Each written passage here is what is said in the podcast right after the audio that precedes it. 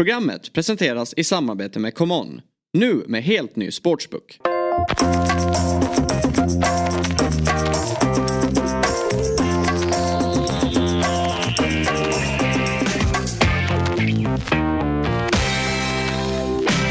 Välkomna till Eurotalk Weekend. Eh, Sean och jag sitter här och vi har redan hunnit eh, avhandla både det ena och det andra. Så vi, vi, vi, vi tar en recap av liksom det vi har pratat om hittills. Det vill säga vi har pratat om kost. Och jag var nyfiken på om du är så att säga renlevnadsman eller om du, är, eller om du har någonting då i, i din egenskap av elitidrottsman. Om du är är det så att du var vegetarian eller är det så att du är vegan? Alltså, de dyker ju upp i fotbollsvärlden från att ja, för x antal årtionden så existerar ju inte det överhuvudtaget. Nej precis, eh, jag ska inte sitta här och leka att jag är allsmäktig inom kosten just. Men jag har ju fokuserat mycket på kosten. När jag gjorde min elitsatsning så eh, vägde jag eh, jag kan ha varit 20 år. Jag åkte på diskbrock och eh, var, jag var i en liten depression också. Eller ett stor depression om jag ska vara helt ärlig. Och gick upp massa kilo. Jag vägde 94 kilo som mest. Eh, och när jag tog tag i min elitsatsning då var kosten eh, fokus. Så jag droppade ju runt 15 kilo. Systematiskt, inte allt på en gång såklart. Eh, och då vart ju kosten eh, en stor del till det såklart. Utöver all träning som man bedriver. Så att kost och jag går ändå liksom jag, jag, känner för kosten och jag känner för mm. det, det finns värde i det. Mm. Eh, som, som svar på din fråga, idag jag vart ju lite manisk ett tag. Det finns ju något som heter ortorexi. Vet du vad det är? Nej. Eh, det är när man nu ska jag förklara det lite, lite kortfattat. Ursäkta om det är någon som lyssnar som tycker att jag beskriver det fel. Men det är liksom när man, man, man lever en hälsosam livsstil men går över liksom gränsen. Att det blir mm. liksom maniskt på något sätt. Jag, var, jag måste ha varit där och touchat i många år. För till slut efter fyra fem år så fick, eh, fick eh, frugan nog. Hon var trött på bönpasta och allt, allt vad det innebär. Så att då började jag själv uppleva att nej, men det här går nog över gränsen för liksom nära och kära och faktiskt hur jag bedriver min vardag eh, i form av vad jag äter och så vidare. Så att i, i dagsläget så är det ju mer att det är klart jag undrar mig.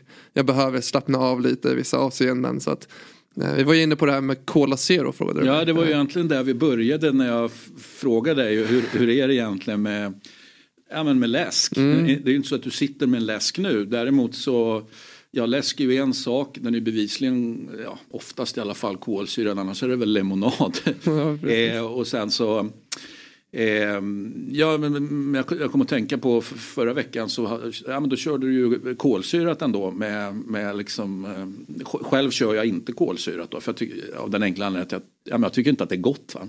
Ja, nej precis. Nej men jag har ju en liten eh, cheat code som gör att jag har jag brukar dricka Pepsi Max vilket är motsvarigheten till Cola Zero. Mm. Eh, och det kan jag dricka några gånger per vecka och det är absolut inte optimalt. Men jag upplever att när jag när jag dricker Pepsi Max så, så blir jag mindre sötsugen på annat.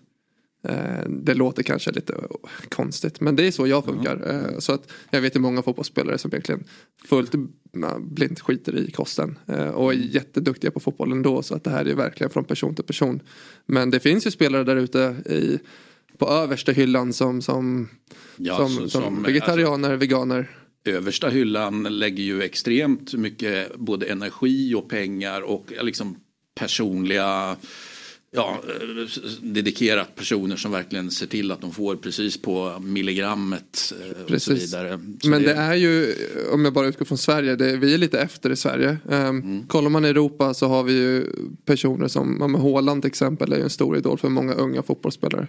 Nu är inte jag kategorin ung längre så att jag säger de som är runt 20 där. Eh, så det är bra att han ändå går i bräschen för att kost är viktigt och eh, att man ska ta det på allvar för att det är minst lika stor vikt eh, som att bedriva faktiskt seriös träning i form av liksom träning men också lag, lagträning.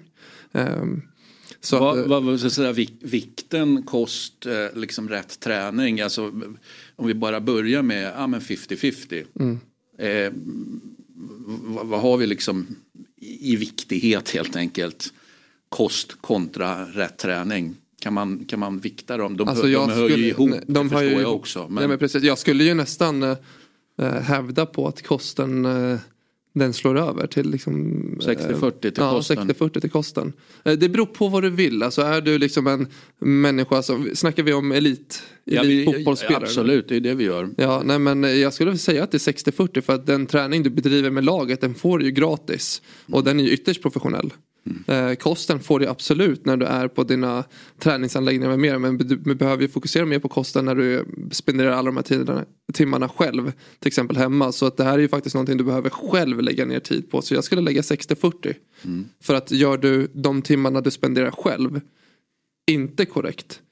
Då blir den träningen som du driver med laget lite ofullständig så. Ja, den blir sämre och du Den blir kanske sämre. blir mer skadebenägen och så vidare och så Mm. vidare. Men jag tycker det är lite intressant. Vi har ju lite exempel som vi var inne på. Eh, Bejerin har ju testat och han fick ju väldigt mycket kriti- kritik. Ja, han blir- har testat vegan. Ja, vara Precis, vegan ja. Ehm, och han eh, blev ju Alltså det är enkelt, du vet när de går ut och outar med att jag testar det här nu och gör de dåliga prestationer eller kanske är skadebenägna då pekar man ju helst på det. Ehm, Ja, vi har ju Småling i, i Roma också som, eh, som, ja, när spelade han fotboll senast? Vegan som han är. Precis, eh, så jag vet inte. Jag, jag är ju så här. Jag gillar ju forskning och sånt där men det är ju inte en jättetydlig korrelation med att äta eh, vegansk baserad mat eller vegetarisk baserad mat och liksom skador. Det har inte kommit de typer av studier än vad jag vet. Jag kan ha fel, ni får gärna ropa in mig då, ni kära lyssnare. Ehm, men ja, det kommer väl så småningom som du säger. Det här är ju väldigt nytt i sin tid ändå. Om man jämför med tidigare. Ja, men det är spännande, en sak jag reflekterar över också som, som ja, men, nu råkar de liksom bara just nu ha en hel del skador i Salernitana. Och då bara tänkte jag så här, du har, du har det som många säger är världens bästa äh, buffelmozzarella liksom. Hur, hur, liksom jag bara känner, eh, och, och olivoljan är där och tomaterna är där och, liksom, och, och, och, och, buffelmozzarellan då bevisligen. Liksom, hur, hur kan du inte må som en Dels må som en prins rent smakmässigt men jag är helt övertygad om att det är jättebra att äta mycket buffelmozzarella. Men eh, vi får återkomma i ärendet helt enkelt. Vi får kolla upp Gillar det. du buffelmozzarella? Ja, det är klart jag gör. Ja, det är klart du gör. Ja, det är klart jag gör. Det är ju Eurotalk Weekend. Vi gör inget annat än att äta buffelmozzarella. Eh, och så tittar vi på en del fotboll ibland.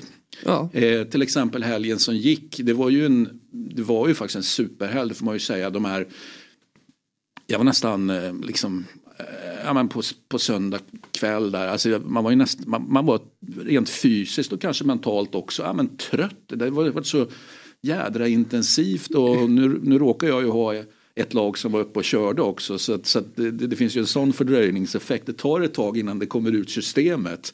Eh, vad, vad tycker du? Supermatcherna, vi hade ju vi hade ju Madrid-derbyt, vi hade ju eh, Arsenal mot Liverpool och så hade vi ju Derby d'Italia. Mm, Fick precis. du tittat på alla tre? Du skulle ju förhandla med, med, med Ja, nu precis med, Med frugan sambon, där hemma. med ja, fru. men precis, med frugan eh, har accepterat nu, nu, liksom, nu, nu är det här. Nu är jag hemma i Stockholm och nu hjälper jag till att avlasta med annat. Så att nu får jag ändå, ja, men det gick bra. Förhandlingen gick bra. ja. Ehm, Så såg du alla tre?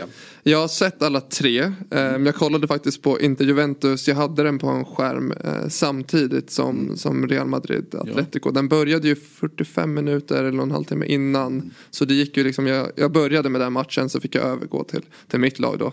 Ehm, men jag tänker vi kan väl börja med eh, Inter men- Juventus. För jag såg den i efterhand sen, Ja, det som jag missade. På, kör på, vad, vad, vad, vad har du för känsla där? Nej, men då? min, min känsla var ju så här, nu har ju jag snöat in mig mycket mer på, på Serie A efter att ha spenderat mycket tid med dig eh, och eh, jag har lyssnat på vad du vad du tycker kring, kring Inter och jag, kan inte sluta, jag kunde inte sluta liksom bara känna under matchen att det är ett Alltså det är ett tydligt maktskifte. Det känns som att det var Det är såklart två storlag men det kändes som att Nu ska man inte göra den jämförelsen överhuvudtaget men det är lite storebror lillebror match. Det var som att Inter kontrollerade matchen. Det var de som styrde. Jag tycker att de tedde sig som det större laget, liksom den större klubben.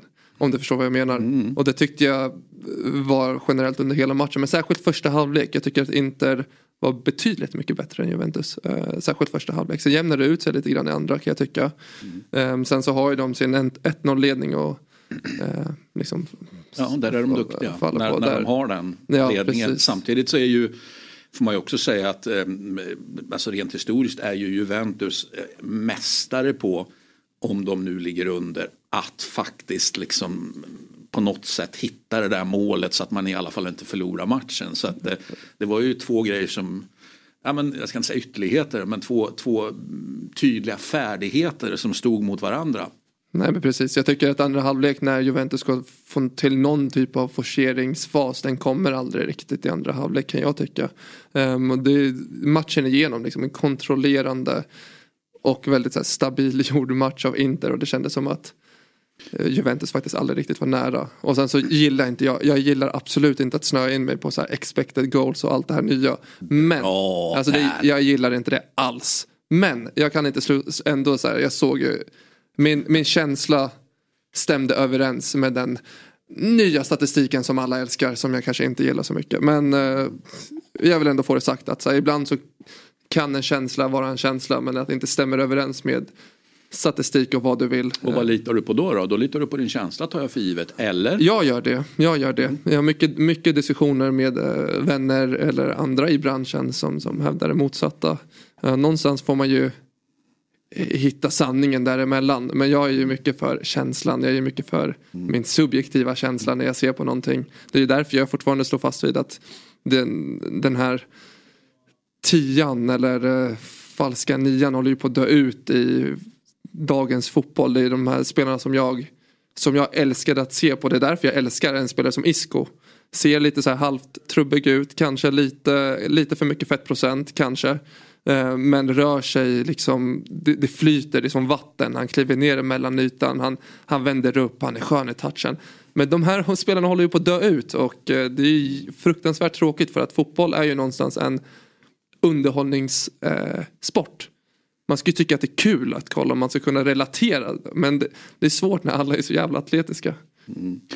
Nej, jag håller med. Det kan vara befriande att se någon som inte är 100% fit men, men är magisk i alla fall och så kan man ju alltid leka med men, men tänk om han hade varit 100% fit, hur bra hade han varit då eller hade det betytt någonting för honom då? För vi pratar ju oftast om, om manliga fotbollsspelare i det här programmet. Eh, som hade gjort att han faktiskt hade tappat grejerna. Jag, jag tänker ju liksom osökt på, jag vill inte hänga ut honom men Eh, en av mina stora favoriter som, som spelar as we speak är ju Moriel. Och jag vill inte hänga ut honom som liksom att han skulle vara fet eller någonting. Men, men ja, det, det går ju att vara smalare. Så är det ju bara. Det, men, men bara för min att förtydliga, värld hade liksom, du inte varit Moriel då. Nej precis, och bara för att förtydliga. Liksom, när jag säger fet eller någon procent extra. Det är för att fotbollen har hamnat där idag där man är liksom superatlet. Och då är det en viss fettprocent man ska vara på. Det är det jag menar med kanske mm. lite fet. Inte att han... Jo, jo nej, det, det, men, förstår ja, det förstår Men bara för att vara tydlig kring det så att inte man får någon häxjakt kring sig. Så här, Sean, du säger det.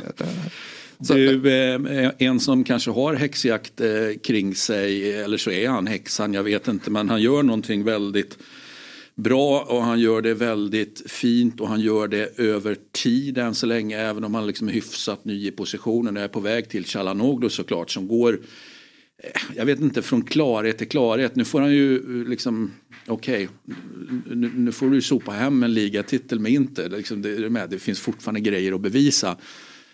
Men det där är fint att titta på. Fint att titta på. Där har vi en sån typ av spelare. Han är ju inte superatleten men han, han Ja, han ser ut han, som en, är, jag vet inte, som en liten fågel. Alltså, nej, precis. Han, han är ingen örn i alla fall, nej, eller hur? Precis, nej, men han flyter omkring. Han passar rätt, han passar i rätt lägen, han slicear dem mellan lagdelarna, sätter dem högt, han sätter dem lågt. Han är magisk att titta på. Um, jag såg ett uh, highlights-klipp bara med hans passningar uh, från den här matchen. Mm. Sägas. Och uh, jag tror inte jag har slagit sådär fina passningar under hela min fotbollskarriär hittills och det gör han på 90 minuter. Så att, nej, han är som du beskriver, han blir bara bättre med åren och han blir liksom så betydande i det här Inter som faktiskt spelar väldigt bra.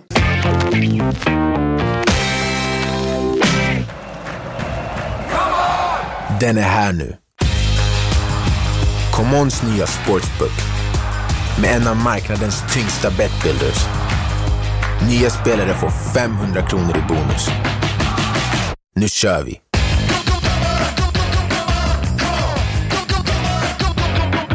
18 plus. Regler och villkor gäller. poddtips från Podplay. I podden Något Kaiko garanterar östgötarna Brutti och jag, Davva, dig en stor dos skratt. Där följer jag pladask för köttätandet igen. Man är lite som en jävla vampyr. Man har fått lite blodsmak och då måste man ha mer. Udda spaningar, fängslande anekdoter och en och annan arg rant. Jag måste ha mitt kaffe på morgonen för annars är jag ingen trevlig människa. Då är du ingen trevlig människa, punkt. Något Kaiko, hör du på Podplay. Därför är gardinerna. En annan som också spelar bra när vi, vi är i det här med liksom mitt, mitt positionen ändå. En spelare som, för nu byter jag match här då. Jag byter till min match. Jag byter till Arsenal-Liverpool. Eh, och jag måste ju ändå säga, eh, alltså Jorginho. Jag hade tydliga det slutvibbar, kanske var mest, alltså mer kopplade såklart till italienska landslaget där det Ja men eh, har, har gått åt helvete helt enkelt. Eller det gick åt helvete under en ganska lång period och, och det var så här viktiga tunga misstag han stod för. Så jag kände, ja, men, hur är det nu liksom, hur, hur, hur, hur, hur, slut är han och så vidare. Och jag lutar åt att ja, men, karriären den, den, den går mot sitt slut här nu men ja, liket lever eller vad man nu ska säga. Eh, han kan än. Han kan än och det, det som är lite synd med den här matchen är att man kommer ju tyvärr förknippa den med att det är lite mis, misstagarnas match. Liksom. Det var mycket misstag som är avgörande. Så att det finns ju många spelare som jag tycker gör väldigt bra prestationer. Och en av dem som, som jag tycker liksom främst sticker ut, särskilt i första, första halvlek, är Declan Rice. Jag tycker han är fullständigt magisk. Eh, Men, men tyvärr när det blir så stora misstag som avgör matchen så är det det som han fokuserar på efteråt. Och då, ja men det är ju som, som du känner till, det är ju liksom främst två mål jag tänker på. Men eh, van Dijk situationen eh, med, med Alisson, liksom, det är det är tråkigt att det ska avgöras på det sättet eh, kan jag tycka när det finns så många prestationer som, som, som sticker ut under matchen. Eh, men det är, Mm. Men det är fotboll. fotboll. Det är fotboll. Så att, eh, det, det, det är fint och liksom jag, jag tänkte på på det under matchen. Dels när vi har pratat kring Arsenal och jag la ett litet ultimatum där. Och Ja, nu, det, Du, du, eh, du sa att nu är det kniven på, på strupen här som Ja, gäller. nej, men det står Mm. jag för och de eh, levererade. Och de levererade, levererade rejält med tanke på att de släpper in 1-1 precis innan halvtid. Och att de har gjort en så bra halvlek. Jag tänkte nej det finns inte, det finns inte en chans att de kliver ut i andra halvlek nu och fortsätter att mata på och fortsätter. Och jag tycker faktiskt de dominerade eh, i många stora delar av matchen. Eh, men det gör man, man kliver ut i andra halvlek och är, är det bättre laget och vinner välförtjänt. Så att eh, Arsenal är att räkna med i fortsättningen. Tills vidare. Och tredje supermatchen Sean var ju såklart ditt eh, derby. Eller du kanske vill räkna in andra derbyn också, liksom Rayo och Getafe och allt möjligt. Men du, här och nu får du inte det utan du får nöja dig med Atletico. ja, med Madrid Derby Lenio. ehm, och eh, ja, vad ska jag säga om matchen? Det, det blir 1-1. Det känns lite löjligt att jag ska sitta här och säga att det är ett domarhaveri men det är faktiskt vad det är. Det, det står 1-0 till Real Madrid och det, det är egentligen bara ett lag på plan och jag satt bara och tänkte så här, de behöver göra 2-0 för att på något sätt kommer de att bli straffade för det här och det är lägen där det är liksom solklara straffar. Astrid nämnde det i, i eh, sändningen att det blir, blir lite löjligt. Man har VAR, man har allting att använda sig av verktygen då. Men ändå väljer man att inte blåsa straff. Är det för att hålla, liv, eh, hålla ligan vid liv eller vad, vad är det frågan om? Liksom, vi vi har ju snackat om domar, domarna i Spanien som dessutom är sämst i hela Europa av toppligorna. Eh, vad, vad är det frågan om? Det är liksom solklara straffar som inte eh, delas ut i andra halvlek. Och eh, Alltid lika fascinerande att höra någon som är högt upp i, i ditt supporterskap här nu i fotbollspyramiden klaga på domarna. nej men det är det jag menar, det blir lite löjligt. Jag skäms lite för mig själv. Jag kommer, jag vill inte. Men vi är här ändå. Vi är här ändå, jag, men jag kan inte inte säga det, förstår du? Men jag är tillräckligt objektiv för att kunna ha sagt det om någon annan klubb eller vad det nu är. Jag tycker att det blir lite löjligt, men det är vad det är. Och de blir straffade. Eh, Marcos Llorente kvitterar ju i, eh, i slutet, eh, Nacho, ett eh, försvarsmisstag som var väldigt eh, förvånande. För jag tycker att han har varit väldigt stabil. Jag och Samuel Holm, eh, Lichholm, satt under matchen och pratade lite. Han är ju nere i Algarve och tränar med, med Djurgården. Men Mm. fick lite tid över för att kolla på matchen. Och dricker Cola Zero. Och dricker Cola Zero. Så vi satt ändå och diskuterade lite kring matchen och vi båda kom fram till att Nacho kanske är världens mest underskattade back. Och mittback för den delen. Ja, du sitter och skrattar lite här men Ja, jag ler lite grann alltså, när jag tittar på den här eh, laguppställningen. Och så, Mm. eh, alltså, om jag ska vara liksom lite elak då. Eh, jag, jag brukar alltid, ja men ett lag som jag bryr mig om, alltså, det är inget större fel på Arsenals backlinje om man säger så. Eh, däremot så kan man ju, det är lättare eh, vanligtvis att hitta fel på, på Lecces backlinje. Så det brukar, och och Lecce är ju liksom ett kölag de, och, och, och så åker man och jojo och man åker upp och ner mellan högsta och näst högsta.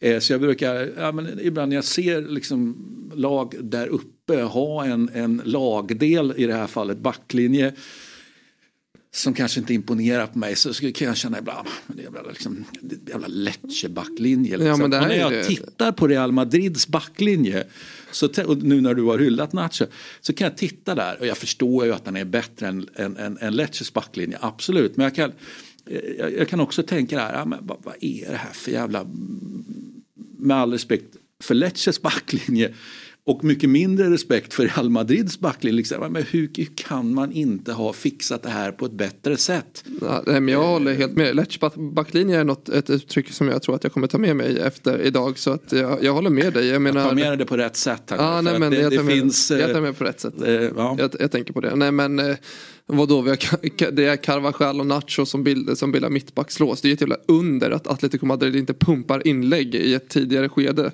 Alltså för mig är det helt oförståeligt. Alltså hade, hade jag varit Simeone och sett att du, du, stå- de ställer upp med Carvajal och Nacho. Som, alltså Nacho i all ära, jag gillar verkligen honom. Jag har ju kommit fram till att han ändå är världens mest underskattade mittback. Men han har inte den längden till sin fördel heller. De har de två i mitten. De har Morata, de har spelare som de kan liksom pumpa in inlägg på. Men det gjorde de inte. Den kom ju i slutet där, 90 plus tillägg och då råkade de göra mål. Um, men ja, vi kan ju diskutera hur mycket vi vill kring matchplaner och hit och dit. Det blir 1-1. Eh, Real Madrid blir synade. Återigen, man kliver in i en, i en vår här där man tampas om ligan, man tampas om en Champions League-titel igen. Och att man inte har värvat in en mittback när man har skador på Rudiger, eh, Alaba, eh, Militao och så vidare och så vidare. Det är för mig lite oroväckande för man kan ju inte ställa upp med Carvajal och Nacho i ett liksom framtida, eh, med en framtida kvartsfinal, semifinal mot bättre motstånd. Det ska ju inte gå. Nej, det ska inte gå. Så att, eh, jag håller helt med dig. Det är, jag vet inte, de har ju liksom inte värvat in någonting. Eh, så vi får se eh, om spelarna kommer tillbaka tills dess. Men någonting som slog mig i matchen var att eh, en personlig favorit för mig, Savic, som jag, som jag gillar, liksom hårt gnuggande, alltid. Man vet vad man får utav honom. Jag, Hej, Kom- i Balkan. Jo, jo, det är Balkan. Så, men han, eh, jag vet inte vad som har hänt med honom. Man känner inte igen honom överhuvudtaget under eh, den här säsongen. Det ser ut som att han har eh, skorna åt fel håll. Så att han liksom vänsterskon på, höger, på högerdojan och tvärtom då. För att han slår inte en passning rätt. Eh, och för mig är det helt... Eh, Han har tagit till sig det här med inverterat på, fast, Oj. fast inte riktigt fattat vad det betyder. helt fel sätt. Så det, det slår mig för att det är en personlig favorit hos mig. Även fast han spelar i Atletico Madrid. Sen kan man ju inte låta bli att garva lite åt eh, att eh, Grishman går ut efter matchen och minihetsar efter ett kryss. Han, han, vi kommer komma in på det, just det här med sociala medier-hets. Jag har en liten... Ja men ta det nu för nu har vi, vi ta pratat det? om supermatcherna. Nu, nu, nu kan ju du slänga in eh, sociala medier här då. Ja, nej, men vad har du eh, jag, jag vill bara fråga dig för att du är ju ändå eh, så- så, oavsett om du vill eller inte så är ju du eh, den äldre skolan om du jämför mellan mig och dig eh, eftersom att jag tillhör den jag, yngre skolan. jag är äldre ja. Ja, så att eh, vad tycker du egentligen om det här med att hetsa i sociala medier efter matcher? Vi har ju Grishman Du menar här. spelare? spelare. Nej, jag, alltså jag tycker väl egentligen att de Alltså på ett sätt kan man ju tycka att det, det, det, är på något sätt befriande, eh, alltså den här tråkiga efter matchen grejen, alltså så- som alla skriver nu för tiden. Alla alla som har varit på planen och kanske några på bänken också skriver någon, något oerhört meningslöst och tråkigt. Så då kan jag nästan tycka att om någon hetsar istället för att vara aptråkig då kan jag liksom nästan tycka att det är, är bra. Men jag kan väl tycka rent generellt att man jag förstår ju att man ska bygga saker och ting. Du ska bygga ditt eget varumärke, du ska bygga klubbens varumärke, absolut. Eh, men jag ser ju helst, även om jag förstår att det inte kan vara så, så ser jag ju helst liksom att man inte skriver alls. Ja, jag går ju igång på det. Alltså jag tycker att det är skitroligt i en skittråkig värld där alla ska vara på PK. Så att jag tycker mm. det är kul. Mm. Um, vi har ju Grishman efter matchen som ja, men hetsar lite på Twitter och lägger ut lite emojis där han garvar. Men de har ju mm. kryssat, liksom. de har ju inte vunnit så det, det, var lite halvmärkligt. Men jag tycker mm. att det är kul. Um, jag tänkte också på Busket som för någon vecka sedan um, Marocko åkte ju ut uh, ur Afghan, Afrikanska mästerskapen. Och varför ska Busquets lägga sig i det kanske tänker du? Jo, för att när Hakimi som spelar då i, i eh, Marocko, när de slog ut Spanien i VM så gick ju han runt och var extra glad och firade lite extra mycket. Han har ju också Real Madrid bakgrund. Um, ehm, och du vet, han var ju mycket Barcelona-spelare, liksom fostrade spelare i spanska landslaget. Så att han tog ju tillfället i akt och och firade som en pingvin så att efter att Marocko åkte ut så så var Busquets väldigt snabb med att uh, lägga ut dansande pingviner på sin Instagram. Så det tyckte jag var lite småroligt. tyckte jag var roligt också ja, faktiskt. Det, det kul. Och jag hade missat det. Ja. Att, uh... men, men, väldigt svagt att han bara han tog bort det efter några timmar. Så ja, det är ju svagt. Det är, det är svagt. svagt. Alltså, du vet ju en klassiker, alltså, det, det, är ju viktigt det här med att kunna gå som en pingvin. Va? Du vet när man, eh, det är ju det som är medicinen där för att du inte ska Eh, även om det är halt ute, det är vintertid nu. Jag säger inte att det är jättehalt just nu men det har ju varit halt. Eh, du vet så att det man ska göra då, du ska ju gå liksom små korta steg som en pingvin. Man hålla balansen. Då håller man balansen ja. och då trillar man inte. Så vi kan ju relatera. Så att eh, vi kan, eh, vi är för pingviner på alla sätt och vis. ja men eh, jag måste bara säga att det, det, är svagt att inte fullfölja hela hetsen och han blev säkert tillsagd. Jag vet inte men han valde att ta bort den. Mm. Eh, och så bara sista där, um, James Madison efter um, i Tottenhams match då. Han har ju blivit starkt förknippat med, förknippad med Luke Littler.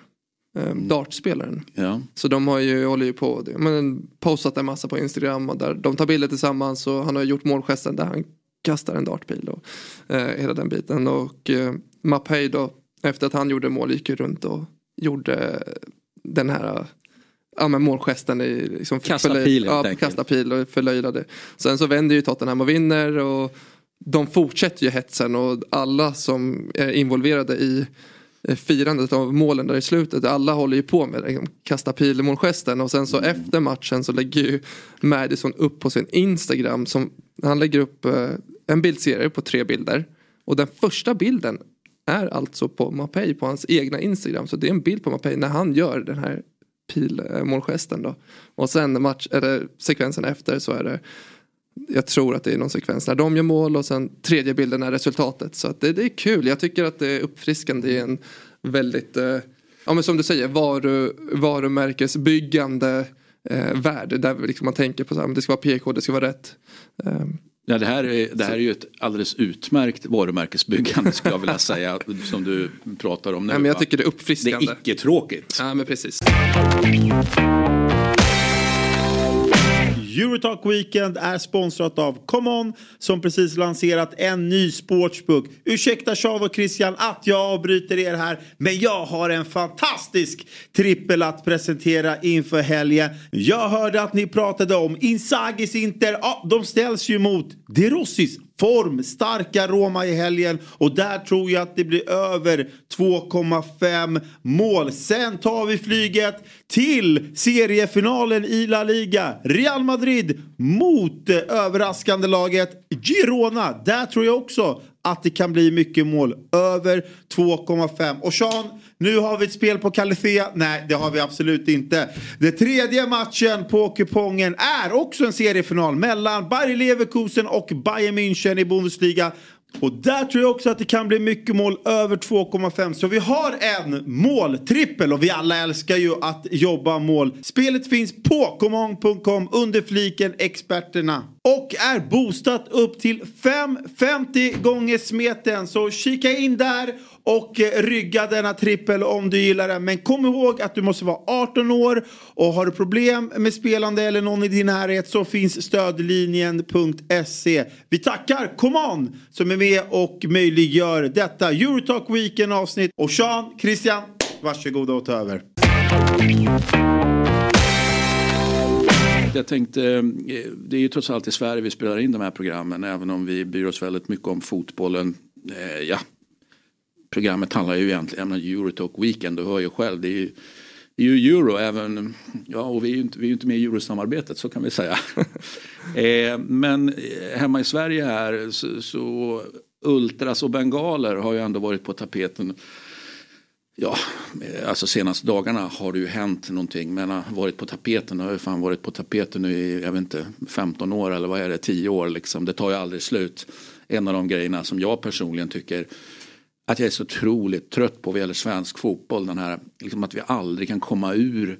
Och jag säger inte att jag vet hur vi ska komma ur det. Men jag säger att, inte, att svensk fotboll inte kan komma ur hela den här diskussionen med pyroteknik och bengaler och så vidare.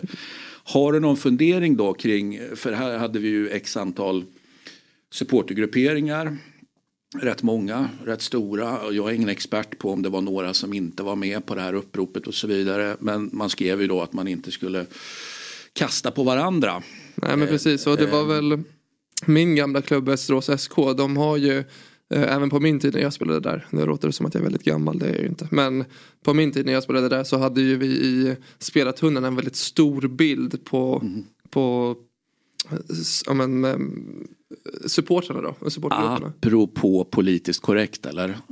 Eftersom den inte får vara kvar ja, har jag noterat. Den, den har noterat så att det, är en, det är en fet bild, alltså det är en fantastisk bild. Varje gång jag såg den så vart jag så här Ja men det här är vår hemmavar, vi har de här supporterna och den, det har ju bara byggts och byggts mer. De har ju fantastiskt eh, mycket stöd nu, Västerås i och med att de har gått upp och det går bra. Men då, ja, då, då kliver de in och ska ta bort den då, eh, den bilden. För att man inte vill främja bengaler och den Det låter lite grann som att eh, kan vi ha kvar den här statyn eh, som beskriver en del av historien? Nej, just nej, nej, den kan vi inte ha, den måste vi ta ner.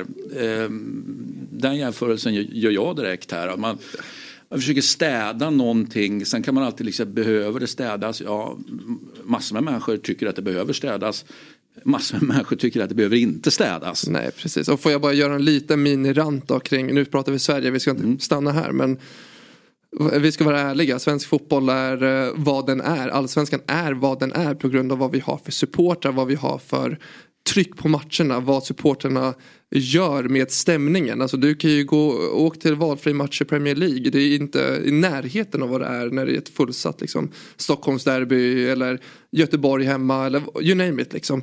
Så, och jag tycker också det är dubbelmoral att man från högre led vill eh, strypa ja, men, eh, pyroteknik, bengaler och hit och dit. Absolut, det ska inte göra så att människor skadas dylikt. Jag vet, jag fattar, det är inte det jag vill komma in på men eh, ena sekunden så vill man strypa allt det här och inte låta dem få den friheten och andra sekunden så använder man just det där i liksom i varumärkesbyggandet, man använder det i sina reklamer, man använder det inför hypen inför liksom en, en liksom ny säsong av allsvenskan eller dylikt. Så att jag, jag är så, jag är med dig där igen. Vi, vi har mycket synk idag du och jag men jag är så extremt trött på det. Mm.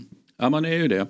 Eh, vi måste komma in också på, där är jag nyfiken på, du är ju eh, som sagt var yngre än vad jag är.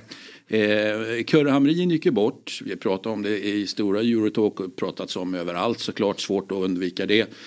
Eh, var det, eh, bara, bara ta det här, det klassiska målet mot Västtyskland. Då. Var det ett mål som du redan kände till eller var det ett mål som du liksom fick upp ögonen för nu? Eller? Nej men det var ju så, det såklart jag kände till, eh, mm. kände till det. Mm. Um, han Nej, men det är en jättebra fråga. Ja. För jag, jag, jag, jag, jag frågar här till exempel på redaktionen i, i måndags.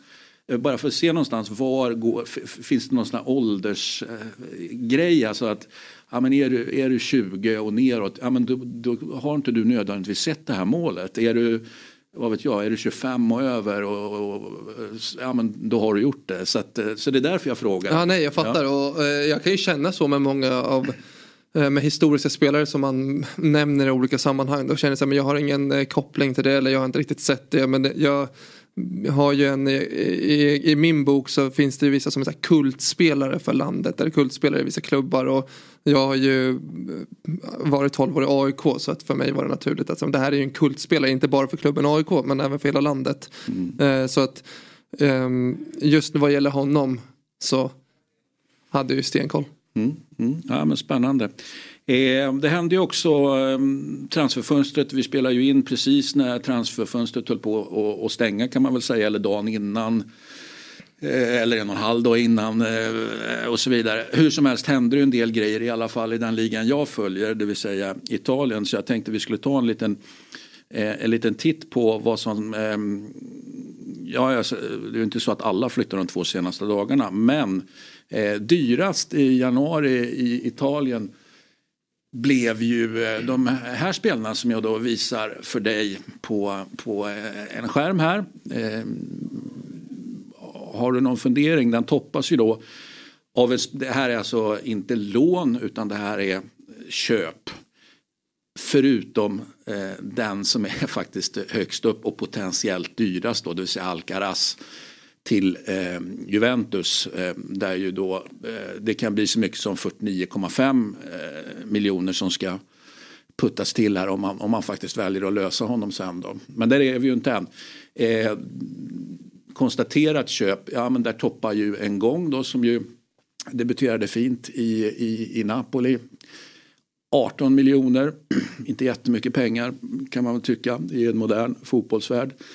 Eh, Bologna rör på sig. Vi pratar ju mycket Bologna. Vi har ändå på den här topp 15-listan då över köp eh, med inte bara Santiago Castro eh, utan vi har ju också Ilic då, mittbacken som vi har pratat om tidigare. Så att man går bra men man fyller ändå på med köpta spelare.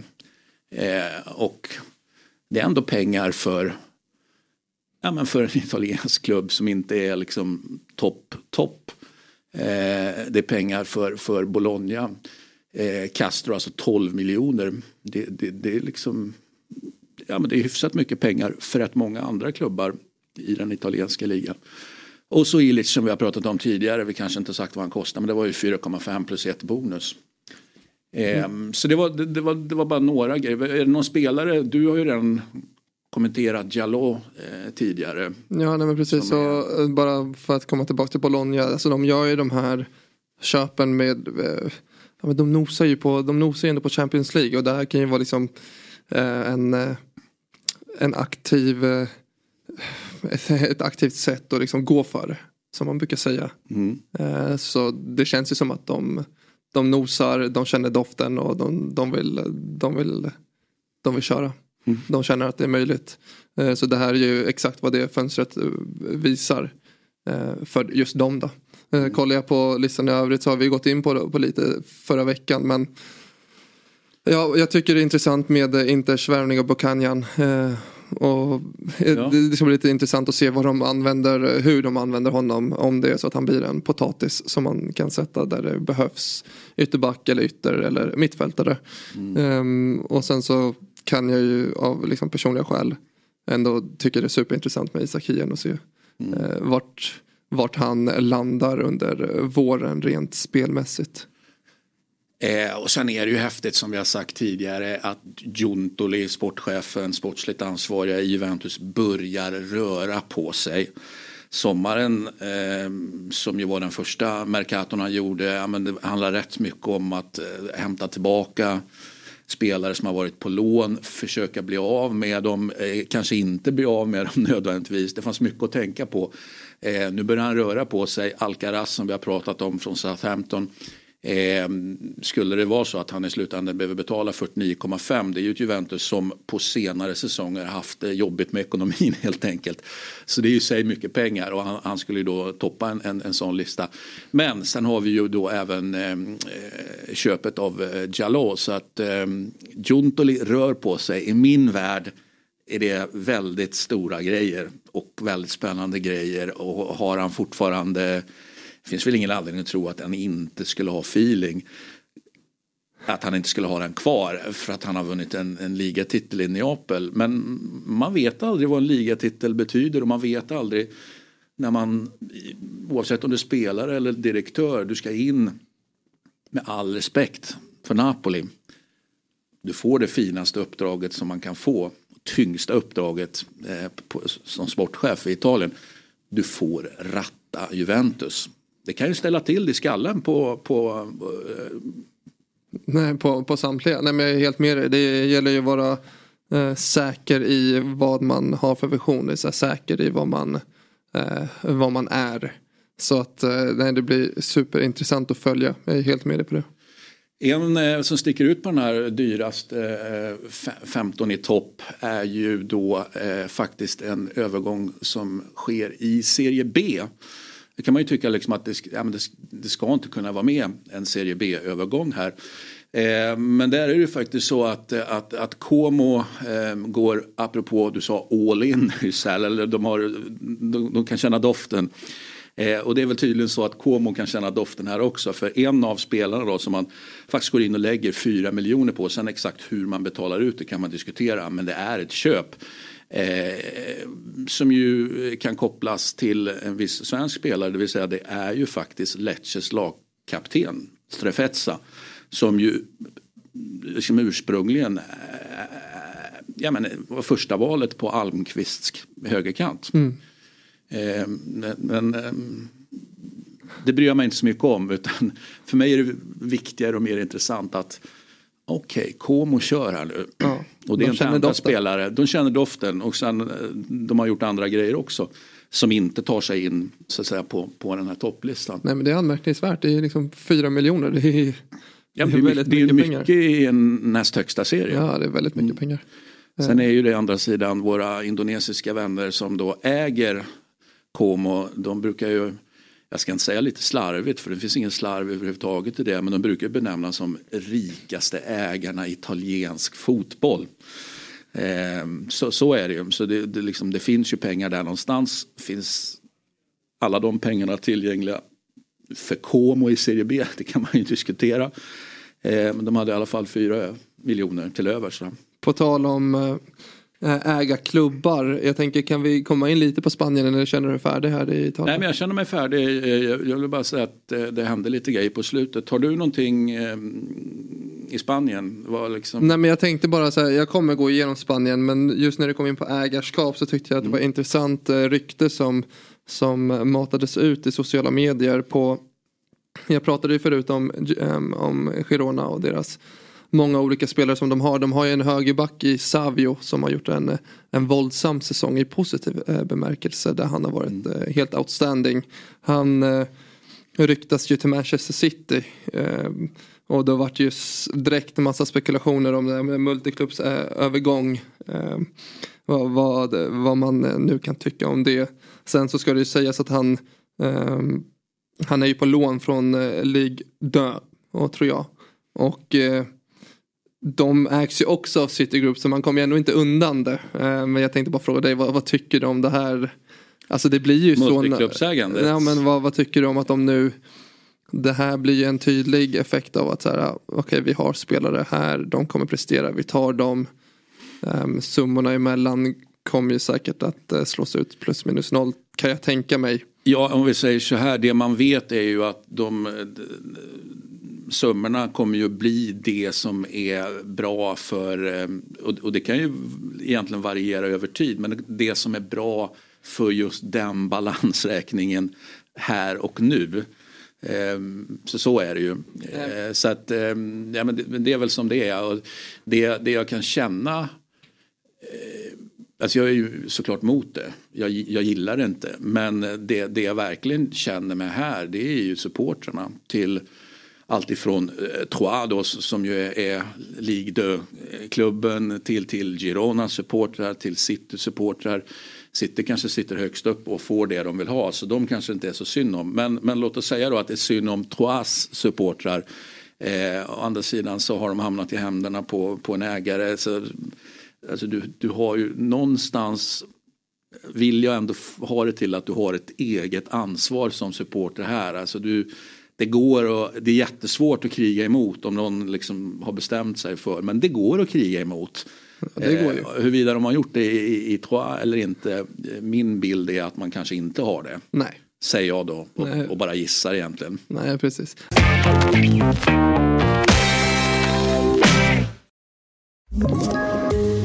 Poddtips från Podplay. I podden Något Kaiko garanterar östgötarna Brutti och jag, Davva, dig en stor dos skratt. Där följer jag pladask för köttätandet igen. Man är lite som en jävla vampyr. Man har fått lite blodsmak och då måste man ha mer.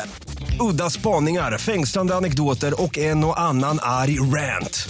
Jag måste ha mitt kaffe på morgonen för annars är jag ingen trevlig människa. Då är du ingen trevlig människa, punkt. Något Kaiko, hör du på Podplay. Därför är gardinerna. I övrigt så det är som jag, som jag sa till dig förut, det, liksom, det, det har varit en väldigt eh, en, en, lugn eh, ett lugnt transferfönster för, för många men något som, som slog, slog mig rätt rejält när jag kollade igenom, nu, nu ser ju vi en lista här framför oss på de, dyra, de dyraste övergångarna. Ehm, och egentligen den dyraste av dem alla finns inte med Det på vill den här säga listan. köp, inte lån. Ja, Det precis, det så köp. Mm. Precis, så, så är ju ändå eh, Vitor Roque räknas ju in för det här fönstret. Eh, bara komma in lite snabbt på honom. Den effekten han har gjort. Eh, när han har klivit in i Barcelona förra veckan så blev han match, eh, matchhjälte och även den här matchen. Han kliver in i han hoppade väl in i 60 minuten, gjorde mål tre minuter senare och sen så drog han på sig ett dubbelgult eh, inom loppet av 10 minuter därefter och blev utvisad. Så att eh, Det är det som kallas för omedelbar effekt. Ja, omedelbar effekt. Eh, men då kommer vi in lite på den här Xavi-effekten som vi diskuterade förra gången. Nu har de ändå vunnit två raka efter hans eh, ja, citattecken avgång. Ja, Eh, precis. Efter att den arrogante Xavi då har, har kastat in eh, ha, handduken. Precis, sen så, ja precis. Nej, men jag var tvungen att, att, att det här med arrogans tyckte jag var lite spännande för att jag, jag har ju en egen bild av Xavi, absolut. Jag noterade att du hade en, en, din bild av Xavi. Så jag gick faktiskt hem och frågade sonen eh, som ju då är, eh, han är ju i din ålder, han är 97 Vad är du? 95 95 eh, och frågade jag, men, eh, hur är det nu, har du liksom upp, upp, uppfattar du Xavi som arrogant liksom? För jag var bara nyfiken på, man, Vad fick du för svar? eh, att det inte var någonting jag hade tänkt på. Så att eh, det, liksom eh, arrogant diskussionen, eh, låt, låt, oss, låt oss fortsätta med den. Jag gillar den. Jaha, kul. kul. Men eh, då får du fortsätta eh, fundera på den under, under våren här. Eh, kolla gärna hans presskonferenser så kanske du kan uppleva det jag upplever. Annars i övrigt så ehm, det finns Ja, en, men en, dyrast här är ju, är ju eh, Vermeeren då. precis eh, Med, med 18 miljoner vilket ju Ja, som av en händelse då är ju det faktiskt priset som då en gång toppa så länge inte Juventus då gör någonting med den där. Men det gör de ju inte under det här fönstret med, med Alcaraz-optionen så att säga. Så det var ju en gång 18 miljoner för mer än 18 miljoner. Så 18 miljoner eh, euro pratar vi om då. En gångbar siffra om du vill toppa de här med att vara dyrast i januari. Ja, precis. Eh, så han ska ju vara en eh, supertalang så att han kostar ju därefter med tanke på dagens marknad som du är inne på. Så att det blir intressant. Sen så har även eh, så har även, eh, jag vet inte om vi hade honom på listan, Cardoso. Eh, blev ju värvad från, nu ska vi se, där ja, till Real Betis. Ehm, han tillhör ju, han har ju spelat i Brasilien. Ehm, han är en, född 01. Spelat i International i Brasilien och eh, varit bland de eh, bästa spelarna där. Ehm, han tillhör ju USAs eh, landslag. Han har ju spelat USAs U23. Han har även sju framträdanden i, i, ehm, A-laget då. Så att det är en intressant eh, värvning. Vi håller ögonen på, på Johnny Ja, Johnny Cardozo. Cardoso. Nej, men det blir en intre- väldigt eh, intressant, intressant värvning av Real Betis. Sen så finns inte de här Granada har ju verkligen kört det här fönstret. De ligger ju näst sist. Eh, Vi har ju en spelare med här. eh, Vet vad, det, det låter väldigt mycket som Hellas i Italien. Det är Ja, också liksom precis. hela, vänta nu, är det nedmontering eller vad är det? Men det är en jäkla rotation. Det är På, rotation, det är rotation och det är väl eh, överlevnadsstrategi. De har ju fått in tio nya spelare. Under det här fönstret. Eh, Bland annat då Ongla från Hellas. Ja, precis. Av en ren, av en ren Av en slump. ren slump, ja. ja. men precis. Så att det blir intressant att se om den här tio spelars rotationen ger effekt eller inte. Eh, Så vi, vi får se. De, eh, de eh, är ju fortfarande med och krigar om det. De är liksom inte avhängda på riktigt än. Så det är väl säkert därför man gör den här stora spelaromsättningen eh, redan nu. Så att Ja men det är bra de att man, eh, höll jag på att säga att man, jag var på väg att säga bra att man tror på det fast det lät ju som att du var på väg att säga att de gör den här grejen för att de safear för att de kanske kommer åka ur. Nej, jag, nej, Nej. nej. nej, Jag, jag tror på att de eh, försöker ge det en, en chans till att Mm, försöka väcka liv i, i, eh, i laget. Så att, eh, det blir intressant att följa dem och deras fortsättning. Mm. Ehm, annars hade jag inte så jättemycket mer från eh, Spanien egentligen utan jag vill ändå bara, vi fick inte med eh, mitt case där på Califea. Som hade, Ja, de mötte vad ju, händer? Ja precis, de mötte ju FC Kanya eller Kania eller hur man nu väljer att uttala det. Ehm, De har inte, fortsätter ju, de, de kryssar på bortaplan då, 0-0. eh, Fortsätter att ligga etta i topp och fortsätter sin fina form i ligan. De har inte förlorat sedan 2 december så att vi måste ändå fortsätta följa dem varje vecka tänker jag Vet på. vad jag tänker osökt på? Kanja det är ju faktiskt eh, eh, kryddmärket på Lidl. ja, du ser. Eh, apropå, vi håller på med kost i det här programmet. Ja, exakt. Ja, Det och då händer det att man behöver fylla på eh, kryddorna eh, just på Lidl. Mm. Eller jag behöver göra det tydligen. Du, eh, vi hade ju en, en så att säga, sprakande mm, och strålande och häftig helg den förra på alla sätt och vis. Eh, men det är inte fyrskamhelgen som kommer heller utan där är man ju då lite pepp på en del eh, grejer. Eh, vi börjar ju i, som vanligt i Premier League, så Premier League älskande som vi är. Va? Eh, det är ju, ja, ur ett Arsenal-perspektiv, livsfarlig match. West Ham Nu borta. gjorde man och levererade och, och, och, och på alla sätt och vis. Och, ja, men, jag ska inte säga att man är tillbaka men, men, man, liksom, ja, men man är ännu mycket mera med. Och så, det är lätt att få för sig här eh, att ja, men West Ham ska man klara av. Ja, det är ju faktiskt ett derby. Eh, ja, hur gick det förra matchen mot West Ham? Inte så bra. Eh, jag är eh, sjukt nervös inför den här matchen. Faktiskt mer nervös inför den här matchen än vad jag var inför Liverpool-matchen. För den är vad den är. Där kan jag känna att det finns liksom... Här alltså, finns det, ju allt att förlora. absolut. Här är ju allt att förlora på riktigt. Ja, Jag har ju faktiskt varit på just West Ham Arsenal 2016. Ehm, och slogs över på London Stadium då. Slogs, jag hade ju lite fördomar så här, men jag har ju varit och kollat på Chelsea eh, på Stamford Bridge. Jag har varit på Arsenal också på Emirates. Så det har ju inte varit den bästa av liksom, stämning. Men jag slogs faktiskt över att West Ham hade ett ordentligt tryck. Eh, men det är ju såklart i derby och allt vad det innebär. Men Hammers hade ett fint tryck faktiskt på arenan. Eh, måste jag ändå ta och säga. Så att jag håller med dig. Jag tror att det är en livsfarlig match för Arsenal. Mm. Eh, sen vet jag inte vem det är livsfarlig match för. För eh, samma dag då vi är på söndagen så spelar ju Aston Villa mot Manchester United. Eh, och den här säsongen är väl, har, har det visat sig att alla matcher är livsfarliga för Manchester United.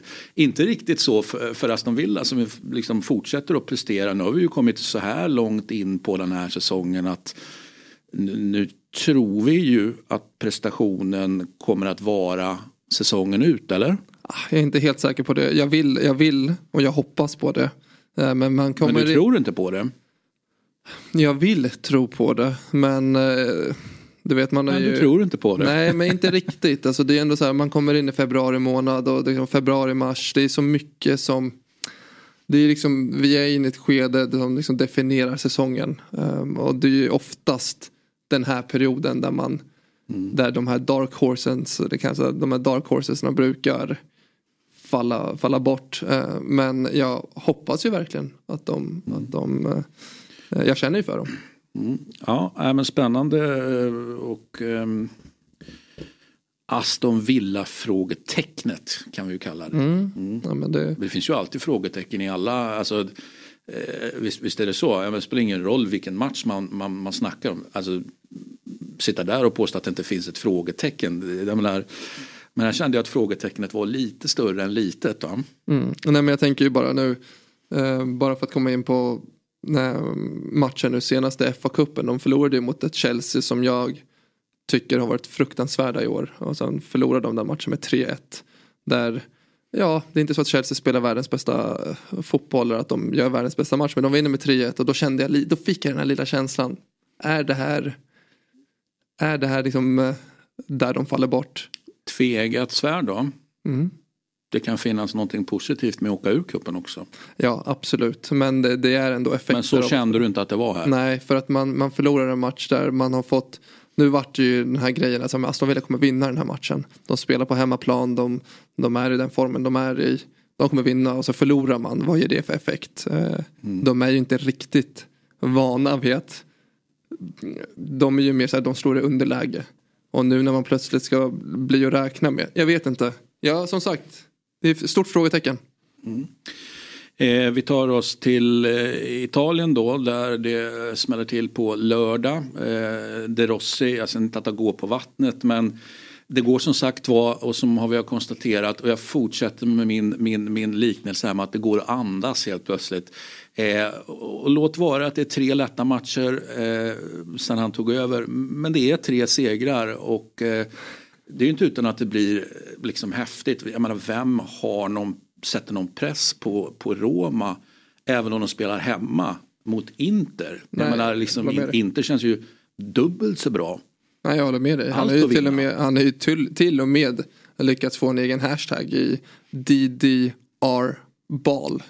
Och där tycker jag att det, där går gränsen. Jag håller, Ja, alltså, det, där, där, där, känner man, ja, där är han ju inte riktigt Nej, än. och du Det vet- beroende på vad man menar med boll. Det kan ju vara att han, att han plockar poäng i och för sig. Va? Men man vill ju gärna se någonting mer. Det vill säga vad är det för fotboll han spelar? Ja, vi får väl några signaler har han såklart skickat. Men lite tidigt och och, och, och, peka på att ja, men det här är DDR-boll. Nej men precis, det är ju allt för tidigt. Det är, så här, det är sekvenser som matas ut i olika medier. Det är så här, men look at this och sen kolla hur de rör sig här. Kolla vad... Nej, så snabbt går det inte.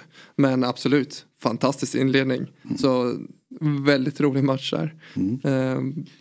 Ja, bra slagläge där och eh, vem som har slagläget eh, när eh, Sassuolo tar emot Torino hemma kan man verkligen fundera på. Det fortsätter vara jobbigt med målskyttet och de liksom allt för många insläppta målen och då pratar jag såklart om Sassuolo.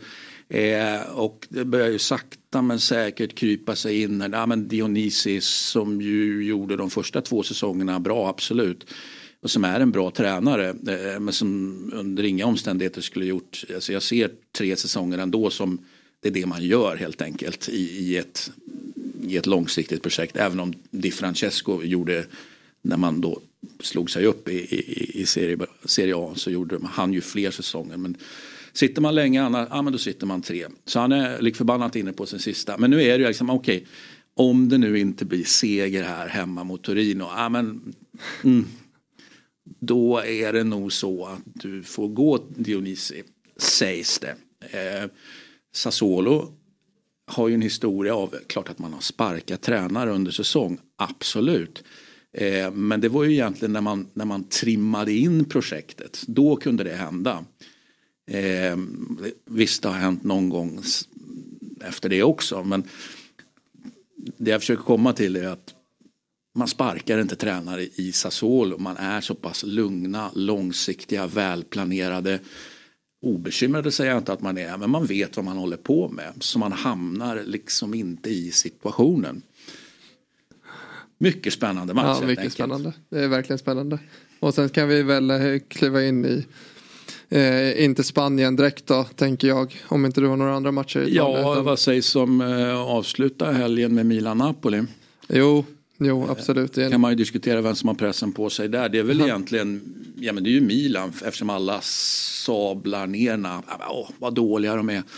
Eh, vi får väl se eh, vad som händer. Alltså, förr eller senare så kommer man spotta upp sig. Spelare kommer komma tillbaka. Det finns ju fortfarande, ja, bara för att ta en då, Osimhen som är fortfarande kvar i, i, i afrikanska.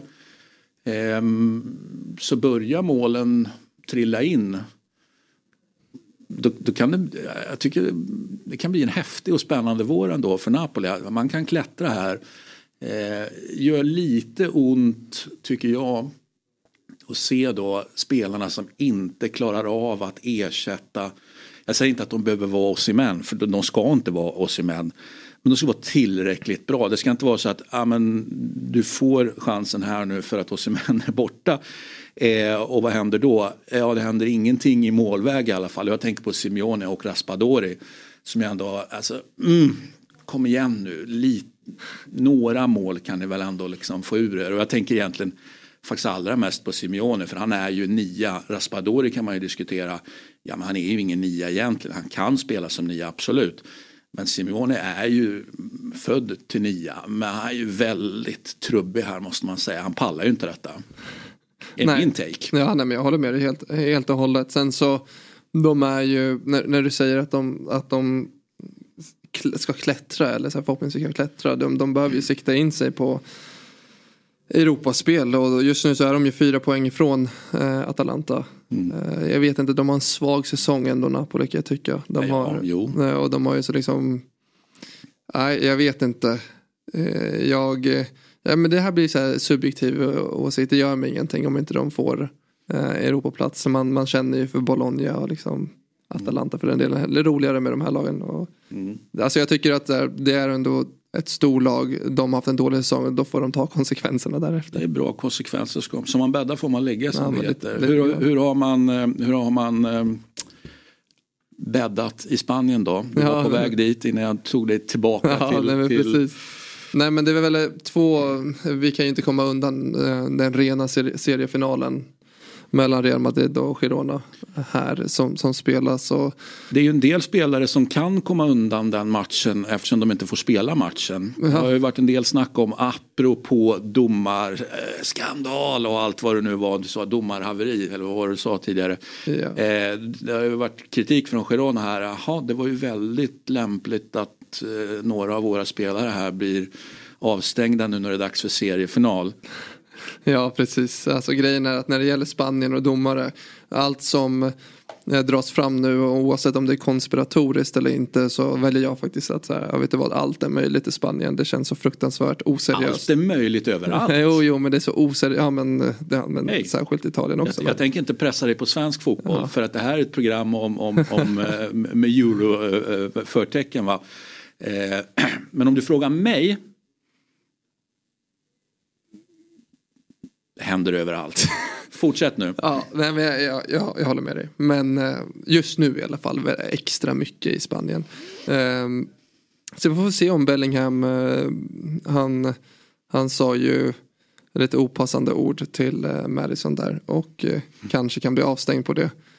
Så vi får se eh, Det är ju faktiskt så att eh, eh, bland dina vårpunkter, vi har ju inte berättat att Bellingham är en av dina vårpunkter, eller hur? Vi har Mm. berättat a- de andra vårpunkterna men jag tror inte vi fick med Bellingham. Så bara så att ni vet där ute Ja, så är Bellingham en, en Sean vårpunkt. Ja precis och det är ju inte så att jag är ensam om det. Men det är lite intressant. Han har ju liksom stoppat lite i, i målproduktion och assistproduktion och han ser allmänt lite sliten ut. Och det är ju för att han har spelat i, i princip alla matcher 90 minuter. Ancelotti eh, byter hej vilt på egentligen alla. Till och med målvakt men eh, Bellingham står stadigt. Och jag vet inte om det är till hans fördel för just nu ser han lite om det var så att han hade Är du orolig? Ja men lite grann för att han eh, hade en magisk liksom höst och allting flöt på och nu känns han lite sliten. Han känns lite Han känns även eh, Du vet han har kommit in i det här att han inte får med sig domslut. Lite lik Vinicius i hans första år i Real Madrid. Du vet alla är på honom. Han blir kapad. Han får inte så mycket med sig. Han känns frustrerad. Ehm, så att han är ju fortfarande ung. Så jag menar det är klart att det kan ta på honom. Han gick ju ut också på Twitter apropå sociala medier och att twittra eller um, lägga ut saker. Han uh, la ju ut när han inte fick med sig domsluten så var han ute och liksom minipikade kring det. Så att fokuset är ju han känns frustrerad så att jag är absolut lite orolig. Ehm, så att det blir intressant match. Jag tror ju att eh, det kan vara så att vinner Real Madrid, vilket jag tror att de gör. Så kanske Girona blir lite semi-avhängda. Vi får se. Um, annars så en match som jag tänker på i övrigt så är det Sevilla Atletico Madrid. Sevilla råkade ju faktiskt vinna i helgen eh, med 3-1. Och eh, ja, efter, efter egentligen att bli räddade av Nesry för att i den här matchen mot Rayo Vallecano så, så var de faktiskt utspelade hela matchen men eh, en Nesry kom till undsättning och gör två mål. Och han har ju på något konstigt sätt ändå lyckats göra sju mål i ligan, tre mål i Champions League. Han, liksom I ett skakigt Sevilla så fortsätter han. att Han är, han är ju en lite så konstig spelare Ja, på oh, något sätt. Man, märklig. man, eh, man blir så här, eh, nu punktmarkerar inte jag honom men jag kan känna som man, man blir man klok på honom. Nej, Liksom. men är, han, märklig, alltså. är, han, är han jättebra eller, eller är han inte så bra eller är han inte bra alls? Man kanske ska ha större krav på honom. Eh, Vad, vad vet jag? Det, Ja precis, men fortsätter göra mål så, Ja. så målproduktionen finns ju. eh, Så att det ska man ändå ge honom. Så det blir en intressant match för att eh, just Sevilla Atletico Madrid brukar ju särskilt på eh, Alltså särskilt när det är matcher som betyder de här matcherna tenderar att eskalera lite. Det är väldigt mycket känslor inblandat. Eh, Så det här blir en rolig match att följa. Vi kan väl säga att Atletico har allt att förlora i den här matchen. Ja, skulle det- de inte vinna så skulle det vara, alltså, eh, man ska inte slänga sig med katastrof till höger och vänster, men någon slags minikatastrof Och det är ändå. lika katastrof för Sevilla om inte de vinner för då blir de Ja, inblandade i permanent katastrof. Ja det är mycket katastrof just nu. Du, eh, katastrof eh, kanske det inte är då. Det, det, det, det är ju faktiskt en match i Tyskland och eftersom du har också en av dina vårpunkter då eh, är ju Xabi Alonso om han då är näste man för Real Madrid och så vidare. Det har vi redan diskuterat. Han ska i alla fall spela fotboll eller, eller träna. Eh, eller vad säger man? Ja, Stå han i det ju- tekniska området Precis, mot han- Bayern München. Han spelar ju fotboll på träningarna också ska ju sägas. Han är ju med på träningarna och spelar. Men ja, som du säger, det här är en intressant eh, seriefinal mellan eh, Bayer Leverkusen och Bayern München. Eh, så att nu är det upp till bevis. Är det så att de eh, fortsätter att vara obesegrade eller eh, kan det här vara vänd, vändpunkten? Vi är ändå inne i, i den här månaden som jag säger att det här brukar vara där man tenderar att Om Och- och falla. den här matchen slutar med en tydlig Bayern München-seger, alltså 3-4-0. ja, det Ser du att det kan hända? Absolut. Mm. Och då är det på riktigt. Alltså då är det, man, man har ju någonstans känt att det här är lite sago, sagovärld, lite fantasi. Ja, men det är lite som Leicester det året de vann. Men när, när bra ska för att vara sant. Exakt. Eh, så det här är ju en eh, tydlig match eh, för deras vård tror jag. Så att, ja, det är som vi varit inne på tidigare, vi vill ju ändå att Leverkusen vinner, eller vad säger du? Precis. Det- Så, så det här är ett Leicester moment någonstans Mm. Ja, det är ju för, för Leverkusen. Lite så. Eh, med de orden då så eh, tar vi helg, eh, sköter våran kost, dricker vårt vin och allt det där andra. Så syns vi nästa vecka Sean och man vet vad som har hänt då. Ja, Massa precis. spännande grejer såklart. Vi har ju några Champions League-matcher som vi säkert kommer att prata om nästa vecka. Ja, jag skulle misstänka det. Så att eh, det blir roligt. Vårat eh, fokus kommer ju, när vi pratade tidigare du och jag, så kommer det ju vara mellan eh, Inter och Atletico Madrid. I övrigt så är det ju annars rätt självklara matcher där liksom storlagen har fått en relativt tacksam uppgift. Eh, sen ska jag, ju kan jag ju tycka att Napoli-Barcelona kanske är en väldigt spännande match. Men det kan vi ta nästa vecka. För den Exakt, spelas ju för den är ju eh, där framme. Ja, så någonstans. att vi kan väl, vi, vi går igenom det nästa vecka, matcherna som, som har varit. Annars så tycker jag att vi tar helg. Det förtjänar vi. Det, det gör vi definitivt och det gör ni också som har lyssnat. Eurotalk Weekend tillbaka om, om exakt en vecka.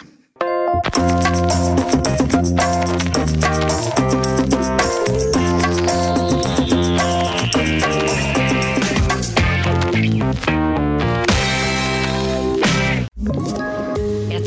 poddtips från Podplay. I fallen jag aldrig glömmer djupdyker Hasse Aro i arbetet bakom några av Sveriges mest uppseendeväckande brottsutredningar.